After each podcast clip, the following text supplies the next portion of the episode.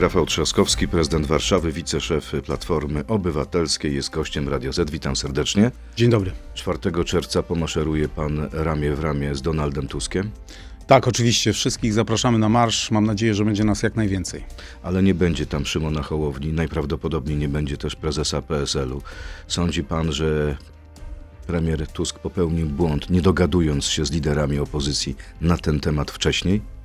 Ja bym się zawsze koncentrował na tym, że jednak szklanka jest w połowie pełna, albo może będzie cała pełna, dlatego że jestem przekonany, że uda się namówić jak największą liczbę osób do tego, żeby w tym marszu uczestniczyła. Robimy to jako Platforma Obywatelska, wszyscy samorządowcy to robią i będziemy do końca namawiać również liderów innych partii opozycyjnych. Ale może to jest jeszcze ten moment, kiedy Donald Tusk powinien chwycić za telefon i zadzwonić i powiedzieć: Władek, Szymon, przychodźcie, zróbmy razem konferencję, zaapelujmy do ludzi. Ale przecież przez cały czas trwają tego typu rozmowy. Wysyłamy przeróżnego rodzaju sygnały do naszych przyjaciół z opozycji, żebyśmy byli tego dnia razem.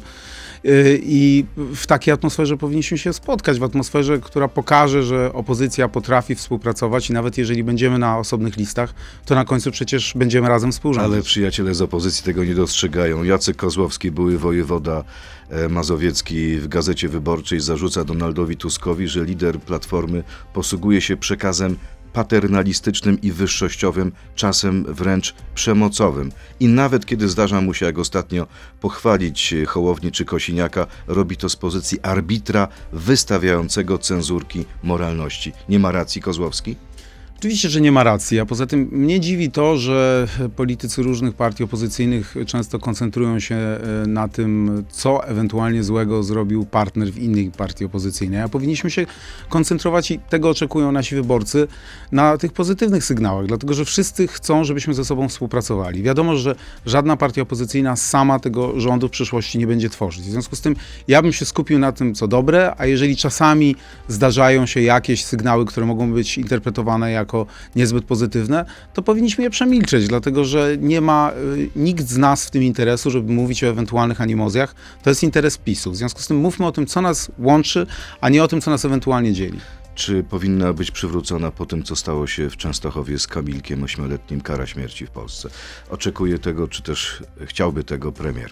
No to jest klasyczne zagranie populistów, a mianowicie jeżeli dzieje się tak straszna tragedia, która poruszyła nami wszystkimi, no to oczywiście szukają tej gry na emocjach, najlepiej wprowadzić karę śmierci. Natomiast prawda jest taka, że tu nie kij jest potrzebny, tylko potrzebna jest po prostu empat, empatia, potrzebny jest konkretny system. Ja przypominam sobie, że konwencja stambulska, która mówiła o przemocy w rodzinie, była kwestionowana przez PiS. Przypominam sobie sytuację, w którym na przykład niebieska linia, gdzie można było dzwonić z interwencjami, była pozbawiana przez PiS wsparcia. Przypominam sobie sytuację, w której e, pozbawiane były wsparcia NGO-sy, które zapewniały e, rozmowę młodzieży czy dzieciom, które e, mogły zadzwonić i poprosić o poradę. Trzeba się na tym skoncentrować, jak przywrócić system do działania, w jaki sposób więcej ufać pracownikom pomocy społecznej, którzy najlepiej znają e, sytuację i środowisko, a nie w tej chwili tylko i wyłącznie krzyczeć o karze śmierci, bo to jest po prostu A kontrproduktywne. pan jest przeciwnikiem kary śmierci? Ja jestem przeciwnikiem kary śmierci, natomiast uważam, że oczywiście ten system, który dzisiaj działa, nie jest doskonały. A surowsze uważam, kary że- dla przestępców, sprawców przemocy domowej, tak czy nie? Y, Zale znowu zależy od, od, od konkretów. W pewnych y, konkretnych sytuacjach być może tak, natomiast nie łudźmy się, że jeżeli byłaby kara śmierci, byłyby surowsze kary, a ten system, który PiS również rozmontowywał, y, to niedofinansowanie psychologii czy psychiatrii dziecięcej, czy właśnie atak na wszystkie organizacje pozarządo- pozarządowe, które starają się pomagać ofiarom przestępstw, że tylko i wyłącznie wprowadzanie kary śmierci rozwiąże problem. Nie, nie rozwiąże Czy ja problemu. dobrze pana rozumiem, że za ten dramat współodpowiada państwo Ja nie chcę rządzone przez Prawo i Mówmy Sprawiedliwość? się, że sytuacja jest piekielnie trudna i to nie jest tak, że to da się rozwiązać tego typu problemy za pomo- pomocą czarodziejskiej różdżki, bo wielokrotnie jest tak, że raczej sympatia zawsze jest po stronie rodziny, a nie pomocy społecznej i zawsze wszyscy bardziej by chcieli, żeby dziecko zostało Ale rodzinie. zapytam wprost, czy pana zdaniem tutaj system zawalił, czy zawalił konkretny Zawalił, człowiek? za, zawalił, zawalił na pewno system, natomiast ja specjalnie mówiłem i o, o tej konwencji, i mówiłem o wycofywaniu tego wsparcia dla NGO-sów i mówiłem o problemach e, z psychiatrią i z psychologią e, e, w naszym kraju, dlatego że to są konkretne rzeczy, które możemy naprawić. I PiS tego nie robi, więc zamiast opowiadać o karze śmierci, skupmy się razem, niekoniecznie obrzucając się winą, ale skupmy się razem, jak naprawić system. A jak ta sytuacja wygląda w Warszawie? Czy pan pan dane, że w ostatnich latach wzrosły takie przypadki? Czy Niestety po pandemii, kiedy ludzie byli zamknięci ze sobą, mieliśmy wzrost tego typu przypadków. Y, W ogóle pandemia się przyczyniła do tego, że mamy większy kryzys, jeżeli chodzi o psychologię i psychiatrię y, dla dzieci. Ten atak na społeczność LGBT, który PiS nam urządził, również się przyczynia do tego, że mamy pogłębione problemy psychologiczne i psychiatryczne.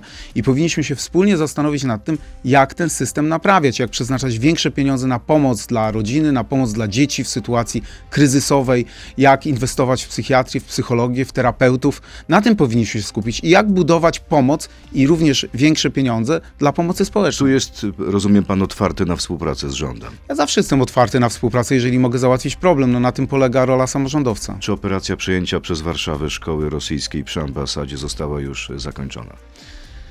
Tak, myśmy we współpracy z Ministerstwem Spraw Zagranicznych i Prokuratorią Generalną przejęli ten budynek. Teraz jest pytanie, y, komu będzie służył ten budynek. My byśmy bardzo chcieli, takie pisma wystosowałem do y, rządu, żeby ten budynek służył warszawskim dzieciom, żeby on został po prostu przekazany na funkcje edukacyjne. A na co przeznaczyć chce go rząd? Nie wiem, ale słyszę, że są różne pomysły. Mam nadzieję, że tutaj dojdziemy do kompromisu, dlatego że ta szkoła jest w przeciwieństwie do tego wieżowca, tego słynnego szpiegowca, ta szkoła jest w bardzo dobrej kondycji. Tam nie, nie trzeba wielkiego remontu. I można zajęcia zacząć od zaraz, tak? No może nie od zaraz, ale ten remont naprawdę mógłby potrwać miesiąc czy dwa i można by tę szkołę oddać warszawskim dzieciakom. Kiedy rozpoczęło się to przejmowanie, Kreml zagroził odwetem. E, Czego można się spodziewać? Pana zdaniem ze strony Rosji? Coś nam grozi? No Rosja zawsze będzie na tego typu y, nasze twarde działanie reagować nerwowo, natomiast ten budynek był zajmowany w sposób całkowicie nieprawny, z pogwałceniem prawa, dlatego go odzyskaliśmy po wyroku sądowym, po kilku latach batalii sądowej. W związku z tym y, to my postępujemy zgodnie z prawem y, i nie może być takiej sytuacji, że po prostu no, po tylu latach y, Rosjanie się zachowują dalej jak imperialna siła i próbują utrzymywać tego typu budynki, które przejęli z pogwałceniem polskiego prawa. A pan będzie mówił nadal Kaliningrad czy Królewiec? Królewiec to nazwa historyczna i rozumiem e, tutaj te, to stanowisko e, tych, którzy dbają o e, nasze historie. Ale nie rozumiem historię, tego. ale Dmitrij Miedwiediew mówi, że ktoś tutaj oszalał. To jest, ja, ja generalnie rzecz biorąc rozumiem e, to, że w tym kontekście historycznym Królewiec e, lepiej brzmi po polsku, natomiast prawdą jest to, że dzisiaj to miasto nazywa się Kaliningrad. Tego typu sprawy zawsze są delikatne. A sprawa rakiety, która przeleciała pod Bydgoszcz jest delikatna czy nie jest delikatna? Oczywiście, że tak. Y, I y, dobrze, że w końcu rząd wezwał ambasadora na dywanik. Szkoda, że ta sprawa została wyjaśniona tak późno, no ale rozumiem, że no, były przeróżnego rodzaju wątpliwości. Ja akurat tutaj rządzących nie będę atakował, dlatego że uważam, że y, ważne jest, żeby w tak delikatnych sprawach wyjaśnić absolutnie wszystkie wątpliwości dopiero później podejmować decyzje, chociaż oczywiście no, zawsze można by Czyli było co, to ta zrobić rakieta wcześniej. mogła sobie przelecieć tak jak przeleciała i nikt nie zareagował? No, tak się stało. Y, To jest oczywiście pytanie do wszystkich ekspertów, jak to możliwe, czy ta y, tarcza jest dziurawa.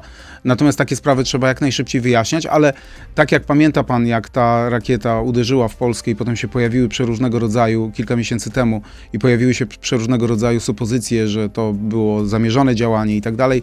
Dobrze, że wtedy rząd y, zachował się wstrzemięźliwie i że najpierw wyjaśnił sytuację, bo to są sytuacje naprawdę bardzo poważne i tutaj nie można rzucać oskarżeń na wiatr. Natomiast trzeba takie rzeczy wyjaśniać dużo szybciej, to na pewno. Y, Panie prezydencie, to pora na krótką piłkę, tak albo nie. Pierwsze pytanie. Wyborów nie wygrywa się w Warszawie, tak czy nie? Wybory wygrywa się absolutnie wszędzie i dla nas ważne jest to, żeby wygrać wybory w Warszawie i w dużych miastach, ale również w tych mniejszych ośrodkach i na wsi. Krótko. Nie interesuje mnie posada premiera, tak czy nie? Interesuje mnie w tej chwili bycie prezydentem Warszawy. Ja się zawsze skupiam na tym, co, co w danym momencie, za co ponoszę odpowiedzialność. Na czele rządu opozycji mógłby stanąć ktoś spoza platformy, tak czy nie? Powinien to być ktoś z najsilniejszej partii opozycyjnej. Tak Czyli to nie. zawsze było. Ludzie powinni jeść mniej mięsa, tak czy nie? Dla zdrowia być może, ale na pewno nikt nie będzie ich do tego zmuszał. Tusk ma nad sobą szklany sufit, tak czy nie? E, Tusk, y, mówiono o Donaldzie Tusku, że ma sufit również kilkanaście lat temu i wielokrotnie udowodnił, że żadnego szklanego sufitu nad sobą nie ma. Rafał Trzaskowski, prezydent Warszawy, wiceszef Platformy Obywatelskiej, jest gościem Radia Z. Przechodzimy teraz y, do internetu, a tam zapytam o to, dlaczego wyborcy nie wierzą w zwycięstwo opozycji. To jest gość Radia Z. Panie prezydencie, kolejny sondaż, y, tym razem dla Super Expressu, mówi, że Polacy nie wierzą w to, że zwycięży opozycja. 38% Polaków wskazuje na PiS, tylko 22%, że to Platforma będzie po wyborach rządzić. Skąd się to bierze? Skąd ta niewiara? Czy to jest y, kwestia wyborców, czy to jest wina polityków opozycji? Myślę, że to jest kwestia nastroju, dlatego że no dzisiaj przy tej dojmującej drożyźnie, inflacji, braku takiego y, emel- elementarnego poczucia bezpieczeństwa, za co jest odpowiedzialny rząd PiSu, ludzie są w minorowych nastrojach. Natomiast jestem przekonany, że Ale jak to ta wręcz kampania... powinni wierzyć w to, że zwycięży opozycja, skoro mają problem z tym. Jestem przekonany, że jak kampania wyborcza się na dobre rozkręci, bo jeszcze jest pół roku przecież przed nami, to te nastroje się zmienią. I również dzisiaj trwa jednak pewna konkurencja na opozycji, co jest naturalne, no bo w końcu mamy kilka partii politycznych. Jestem przekonany, że czym więcej będzie pozytywnych sygnałów, takich jak ten sygnał płynący z marszu e, 4 czerwca, tym więcej będzie wiary w to, że opozycja może wygrać wybory. E, A czy pan ma pretensje do Szymona Hołowni za to, jak zachował się w czasie kampanii prezydenckiej? Ja w ogóle w polityce nie żywię do nikogo e, pretensji poza pisem, który dzisiaj niszczy nasz kraj. Ale czy to poparcie, które panu dał, było za małe, zanikłe? Bo są tacy, którzy uważają, że to Hołownia odpowiada za pańską klęskę. Ja w ogóle uważam, Porażkę. ja w ogóle uważam że y, y, dziękuję, że, że, że jednak porażkę, nie klęskę. Natomiast zupełnie poważnie, ja w ogóle uważam, że rozpatrywanie takich sytuacji, co by było gdyby i wracanie do tego, co było dwa lata temu i zastanawianie się, a gdyby ktoś coś powiedział innego, albo gdyby ktoś inny był kandydatem, y, niczego dobrego nie przyniesie, dlatego że to jest po prostu wróżenie z fusów e, i mm, taka wiwisekcja na pewno niczemu nie pomaga. I ja uważam, że się trzeba skupiać na tym, co dobre w naszych partnerach na opozycji, a nie przez cały czas próbować obarczać się jakąś odpowiedzialnością. E, Jak często zamierza pan podróżować razem z Donaldem Tuskiem? Wiemy, że za parę dni będzie pan w Krakowie. Tak, będę w Krakowie. E, No dla mnie oczywiście nie jest łatwe podróżować e, tak często jak moje koleżanki i koledzy, którzy prowadzą kampanię wyborczą, no bo zarządzam e, miastem stołecznym Warszawa. Myślałem, że nie odpowiada panu towarzystwo Donalda Tuska. Bardzo mi odpowiada. To naj... Tak, jesteście przecież- przyjaciółmi? Przecież w polityce jesteśmy w jednej partii, w najsilniejszej partii opozycyjnej. To są wszystko moje koleżanki i koledzy. No, Ale czy trudno, żeby przyjaciel? było nam Mo- może pan bliżej. powiedzieć przyjaciel, mój przyjaciel Donald Tusk? Bardzo się z Donaldem Tuskiem lubimy. Ale Natomiast to nie jest przyjaciel. Przyjaciół mam od podstawówki i od liceum, bo moim przyjacielem są moje dzieci i moja żona. Natomiast w polityce ma się takich poważnych druhów, ludzi, którym się ufa. Czyli I druh takich, Donald. mam, I takich mam w Platformie Obywatelskiej. Ale jeździ pan na te spotkania, czy będzie pan jeździł z Donaldem na te spotkania z y, ochotą, z radością, czy raczej z musu? Ja bardzo rzadko robię rzeczy z musu. E, W związku z tym oczywiście, że z ochotą, dlatego że chcemy wygrać wybory, a poza tym te, te spotkania mają bardzo ciekawą formę, dlatego że my po prostu odpowiadamy na pytania. One są żywe, prawdziwe.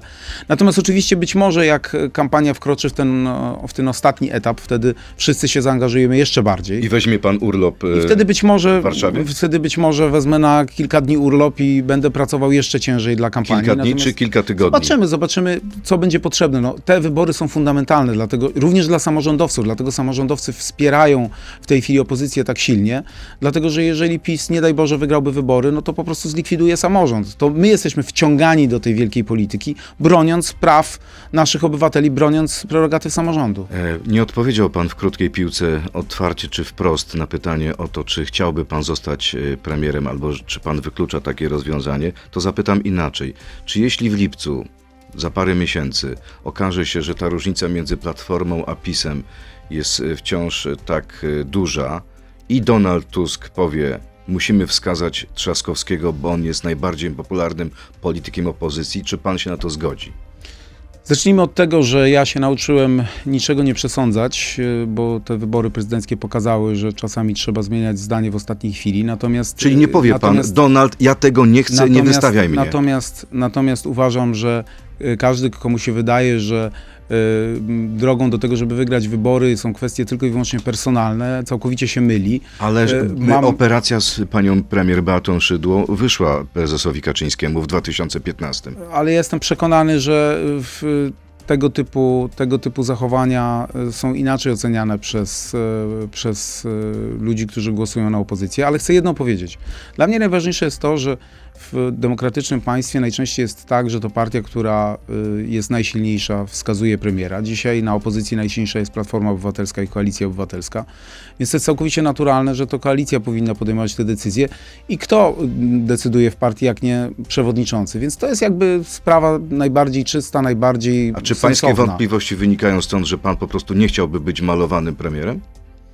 Trudno mi sobie wyobrazić taką sytuację jak w PiSie, to na pewno. Natomiast dzisiaj sytuacja jest klarowna.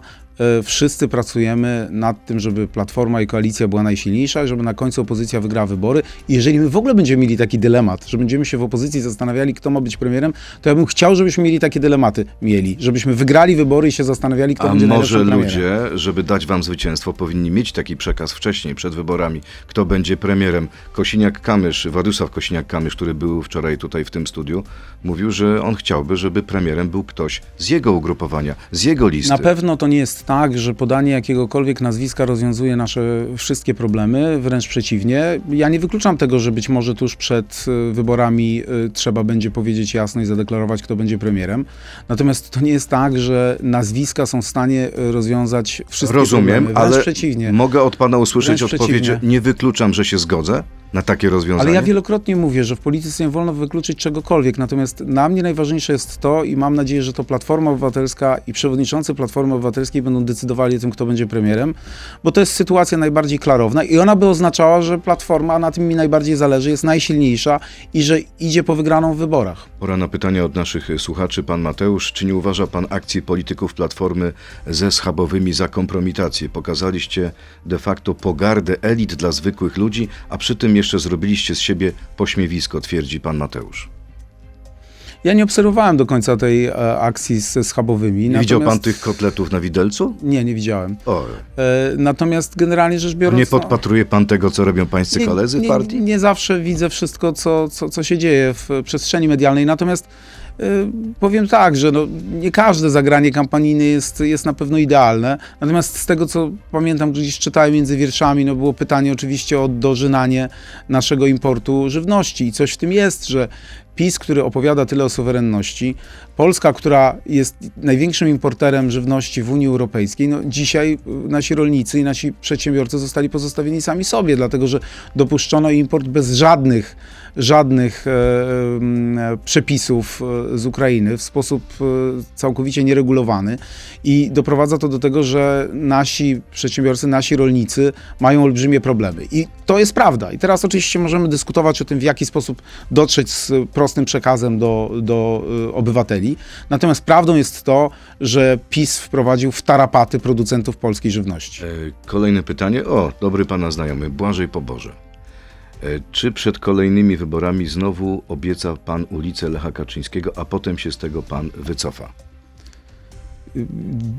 Ciekawe dla mnie jest to, że są ludzie, którzy przez cały czas zadają tylko jedno pytanie, no to też pokazuje, że nic innego nie są w stanie wymyślić. No ileż można odpowiadać na to pytanie? A co z Ja tą ulicą? To jedno, jedno Ale ja zdanie. wielokrotnie mówiłem, że jestem zwolennikiem y, ulicy Lecha Kaczyńskiego, jeżeli chodzi o okolice Muzeum Powstania Warszawskiego, bo to jest na pewno jego dokonanie. Mówiłem o tym, że, że są e, e, radni e, Koalicji Obywatelskiej przeciwko temu. I też chcę jedno, jedną A nie może pan powiedzieć, użyć swoich chcę, chcę wpływów, jedną rzecz powiedzieć, panowie, ale zróbmy chcę jedną to. rzecz powiedzieć. Czym bardziej PiS będzie próbował Polaków przekonać, że Lech Kaczyński był jedynym najdoskonalszym prezydentem i Warszawy, i kraju, i czym więcej mu postawi pomników, czym więcej będzie wciskał indoktrynacji do szkół na jego temat, tym więcej mu zaszkodzi. W związku z tym, jeżeli PiS będzie stać na taką neutralną ocenę e, prezydenta Lecha Kaczyńskiego, ze wszystkimi jego dobrymi poczynaniami, z jego błędami, z jasnym powiedzeniem tego, że wcale nie był najlepszym prezydentem, ale że ma pewne dokonania, wtedy łatwiej będzie podejmować również tego typu decyzje. Jakub, czy żałuje pan niepodjęcia debaty z Andrzejem Dudą w kampanii prezydenckiej w 2020 roku? Oczywiście, jak pisze pan Jakub, ta debata byłaby na nierównych warunkach, ale czy nie warto było się jej podjąć i spróbować przechylić szale zwycięstwa, zamiast zrobić dwie debaty, podkreślając podział? Nie, ja y, nie żałuję tego, tylko wyjaśnijmy. Po pierwsze, ja brałem udział w debacie z y, prezydentem e, Dudą, bo była ta debata organizowana przez TVP. I jest pytanie takie, czy my mamy zawsze się zgadzać na to, że dyktować warunki będzie ta pisowska propaganda i zawsze było tak, że były organizowane debaty na neutralnym gruncie. Więc była pierwsza debata w TVP, ja tam poszedłem. Potem zrobiliśmy debatę, przypominam, zapraszając wszystkie redakcje, również te prawicowe. Prezydent Duda na nią nie przyjechał. I potem była kwestia tej debaty, która miała być jedną wielką ustawką z płaczącymi ludźmi, z przygotowanymi tezami i A rzeczywiście... może trzeba było chwycić byka za rogi? Może trzeba było Nie chwycić śni się byka za panu to rogi, po natomiast ja nie, nie śni mi się. Mi się w ogóle generalnie polityka w ogóle mi się nie śni po nocach. A co panu się śni? Książki, które czytam. A na przykład jaką ostatnio? Czytam teraz o, o s- genialnego zdobywcę y, Pulitzera Coena. Fantastyczna książka i czytam książkę o przywództwie, e, też bardzo dobrą Kissingera. Polecam. Henry Kissinger. Tak jest. Kiedyś sceptyczny bardzo wobec niepodległości Ukrainy, dzisiaj trochę zmienił zdanie. Zgoda, to nie musimy się zgadzać ze wszystkimi poglądami autora, żeby go czytać. A czyta pan książki motoryzacyjne?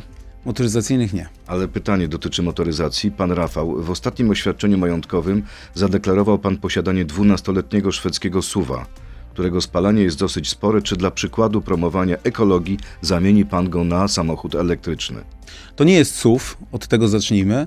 Jeżdżę samochodem e, e, hybrydowym w pracy, natomiast jeżeli będzie mnie stać na to, to tak wymienię kiedyś w przyszłości ten samochód na, e, na samochód dużo bardziej przyjazny dla środowiska, zwłaszcza, że tego typu samochody, stare diesle, no nie mają przyszłości, więc za parę lat na pewno będę musiał ten samochód zmienić. Kolejne pytanie. Pana ostatnie gesty i wspólne spotkania z Donaldem Tuskiem wskazują na pełne podporządkowanie się przewodniczącemu. Czy odpowiada panu rola przysłowiowej paprotki w kampanii? Czy nie szkoda panu wyborców, którzy mogliby zagłosować na premiera Trzaskowskiego, ale na premiera Tuska już nie? Oczywiście mam zupełnie inne zdanie, dlatego że wszystkie ręce na pokład y, oznaczają, że wszyscy wspieramy Donalda Tuska i swoją macierzystą partię. Natomiast my nie jesteśmy PiSem, więc u nas y, w partii są partnerskie e, relacje. Natomiast owszem, też jest pewnego rodzaju hierarchia. No, wybiera się przewodniczącego po to, żeby, żeby prowadził. Więc ja się nie czuję, nie czuję w, jak, w żaden sposób podporządkowany nadmiernie. My nie jesteśmy PiSem. Ale w kontekście formalnym to Donald Tusk jest pańskim szefem, No pan, oczywiście, jest, że tak. pan jest jego zastępcą. Oczywiście, że tak. Pan Sylwester, dlaczego mieszkańcy Warszawy muszą opłacać funkcjonowanie organizacji pozarządowych, które realizują projekty kosztujące miliony złotych? W większości są to również organizacje jawnie krytykujące rząd. To przypadek, czy też kryte wspieranie kolegów z opozycji? No to jest absolutna nieprawda i to jest właśnie y, takie myślenie pisowskie, dlatego że my wspieramy wszystkich e, tych, którzy e, powinni być wspierani w naszej ocenie poprzez całkowicie transparentne konkursy, w których ja nie decyduję, kto dostaje pieniądze. I pieniądze dostaje Polski Czerwony Krzyż, Caritas, e, Klub Inteligencji Katolickiej, ale dostają również NGOsy, które na przykład walczą z uzależnieniem od narkotyków, które walczą z, czy próbują ratować tych wszystkich, którzy są zarażeni HIV-em, które, którzy na przykład prowadzą kampanie mówiące o tym, że przygodny seks e, niesie ze sobą dużo ryzyk e, i o tym decydują po a prostu propos, eksperci. A propos seksu, kiedy był tutaj dwa dni temu minister Czarnek, wypominał panu, że społeczeństwo odczuwa mdłości, gdy dowiedziało się, że pan prezydent Trzaskowski finansuje takie fundacje, które zrzeszają właścicieli sklepów dla gejów, fetyszystów z pieniędzy miasta, albo fundacje, które zajmują się pracą seksualną kobiet. No ale właśnie Czy to pan jest, wspiera ale takie właśnie ta bezczelność e, ministra Czarnka jest niebywała. Niech się zajmie chaosem w szkołach i w tym, co w tej chwili muszą przechodzić nasze dzieci i tym, że tak naprawdę sprywatyzował szkoły, bo bez korepetycji bardzo ciężko dzieci przygotować do matury czy do To egzaminu. wina y, ministra Czarnka. A czyja? Ten chaos w edukacji korepetycje nie nieprawdopodobny? było wcześniej tych korepetycji. No ale przepraszam bardzo, dzisiaj ja, moja córka zdaje właśnie maturę, powodzenia Olu. Mój syn zaraz będzie zdawał egzamin ośmioklasisty. No przepraszam bardzo, no ten chaos, za który PiS jest odpowiedzialny, że po prostu w pale nie, nie, nie mieści, że użyje młodzieżowego... y, A na czym y, ten chaos polega, pana zdaniem? No jak to? Na, na, likwidacja gimnazjów bez przygotowania, przeładowane y, podstawy programowe w sposób taki, że mi jest trudno ogarnąć te przedmioty, które są y, na rozszerzeniu, a minister rzuca tego typu oskarżeniami, które nie mają albo bardzo mało mają wspólnego z faktami. Bo jeszcze raz, my nie dajemy nikomu willi, u nas są konkursy, a jeżeli na przykład ktoś mówi, że dotykamy pracy e, płatnej, czy dotykamy kwestii używania narkotyków, czy dotykamy kwestii właśnie niebezpiecznego seksu, no tak, bo trzeba o tym edukować, bo trzeba ludziom pomagać i robią to fundacje, które najlepiej się na tym znają, wybierane przez ekspertów, a nie przeze mnie. Nie ja pokazuję palcem, tak jak, tak jak y, donoszą media, robi to Czarnek, kto ma dostać pieniądze. Kolejne pytanie. Słuchacz, który się podpisał pseudonimem Wredny. Kiedy będą podwyżki w MZA, bo kierowcy odchodzą do konkurencji? No jest to poważny problem, dlatego że rzeczywiście ta presja płacowa jest olbrzymia. PiS atakuje mnie za to, że wydajemy dużo pieniędzy na, e, na pensje, e, a te pensje i tak są niższe niż średnia warszawska podawana przez GUS. E, Myśmy podnieśli o 7% e, te e, zarobki tam, gdzie musieliśmy. Ja bym chciał, żeby kierowcy zarabiali więcej pieniędzy, no ale z pustego i Salomon nie naleje, bo przypominam, że rządzący zabrali Warszawie e, ponad 6 miliardów złotych. Dariusz Kot, znowu ludzie wracają do wydarzeń sprzed dwóch i pół, trzech lat. Dlaczego zabrakło panu odwagi po wyborach prezydenckich? Nie wziął pan platformy za twarz i nie przejął w niej władzy. Mi nie brakuje odwagi, chyba wielokrotnie to udowodniłem. Natomiast y, uznałem wtedy, że po pierwsze mamy przewodniczącego, y, co do którego y, chciałem się wykazać lojalnością, a poza tym uznałem, że będąc prezydentem miasta stołecznego Warszawy, trudno będzie i równocześnie prowadzić partię polityczną przez tyle lat i prowadzić kampanię wyborczą. Krzysztof Prabucki PiS zarzuca Platformie brak wyrazistego programu. Proszę wymienić przynajmniej pięć sztandarowych pomysłów Platformy, którymi chcecie przekonać niezdecydowanych wyborców. No po, po, po kolei y, je odsłaniamy, czyli kwestia kredytów na mieszkania zeroprocentowych, kwestia darmowych żłobków i y, wsparcia kobiet tak, żeby wracały na y, rynek pracy, kwestia odbudowania relacji z Unią Europejską, kwestia odblokowania tych olbrzymich miliardów, które zaraz stracimy, bo to jest ważne, że jeżeli te pieniądze nie zostaną odblokowane, to zaraz je stracimy, więc tych punktów programowych jest mnóstwo, no mógłbym je wymieniać przez kolejne 10 minut. E, To teraz sprawy zagraniczne. Zaczęliśmy od sprawy rosyjskiej ambasady. E, Minister Ziobro mówi, że trzeba zapytać wprost, czy kanclerz Scholz jest idiotą czy szulerem. Jaka byłaby pana odpowiedź? Oczywiście rozumiem, że minister Ziobro pije do wypowiedzi pana Scholza w sprawie zakończenia II wojny. Przypomnę, 78 lat temu Niemcy i świat zostały wyzwolone spod tyranii narodowego socjalizmu.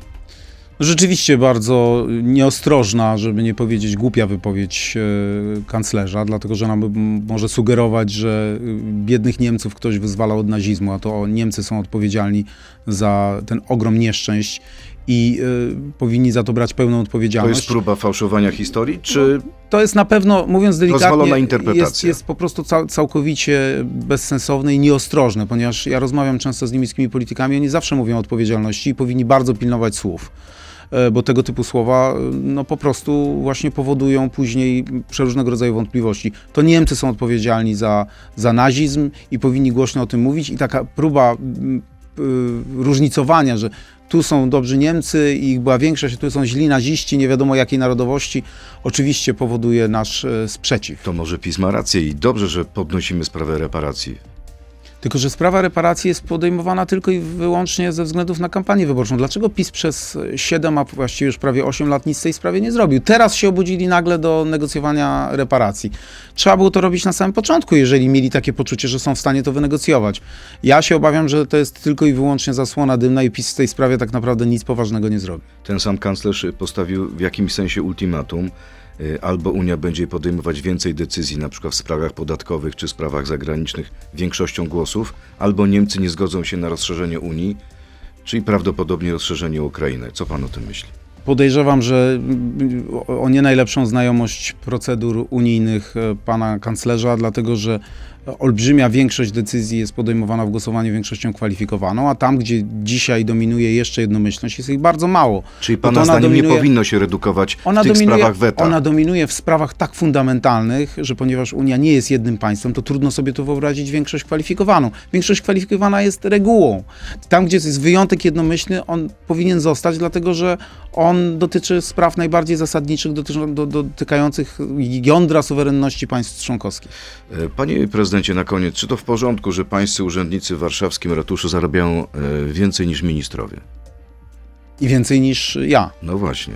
No tak E, jest. Przykład. Skarbnik miasta w ubiegłym roku zarobił prawie 450 tysięcy, niemal dwa razy tyle, ile minister finansów. W tym czasie pańskie zarobki wyniosły 260 tysięcy.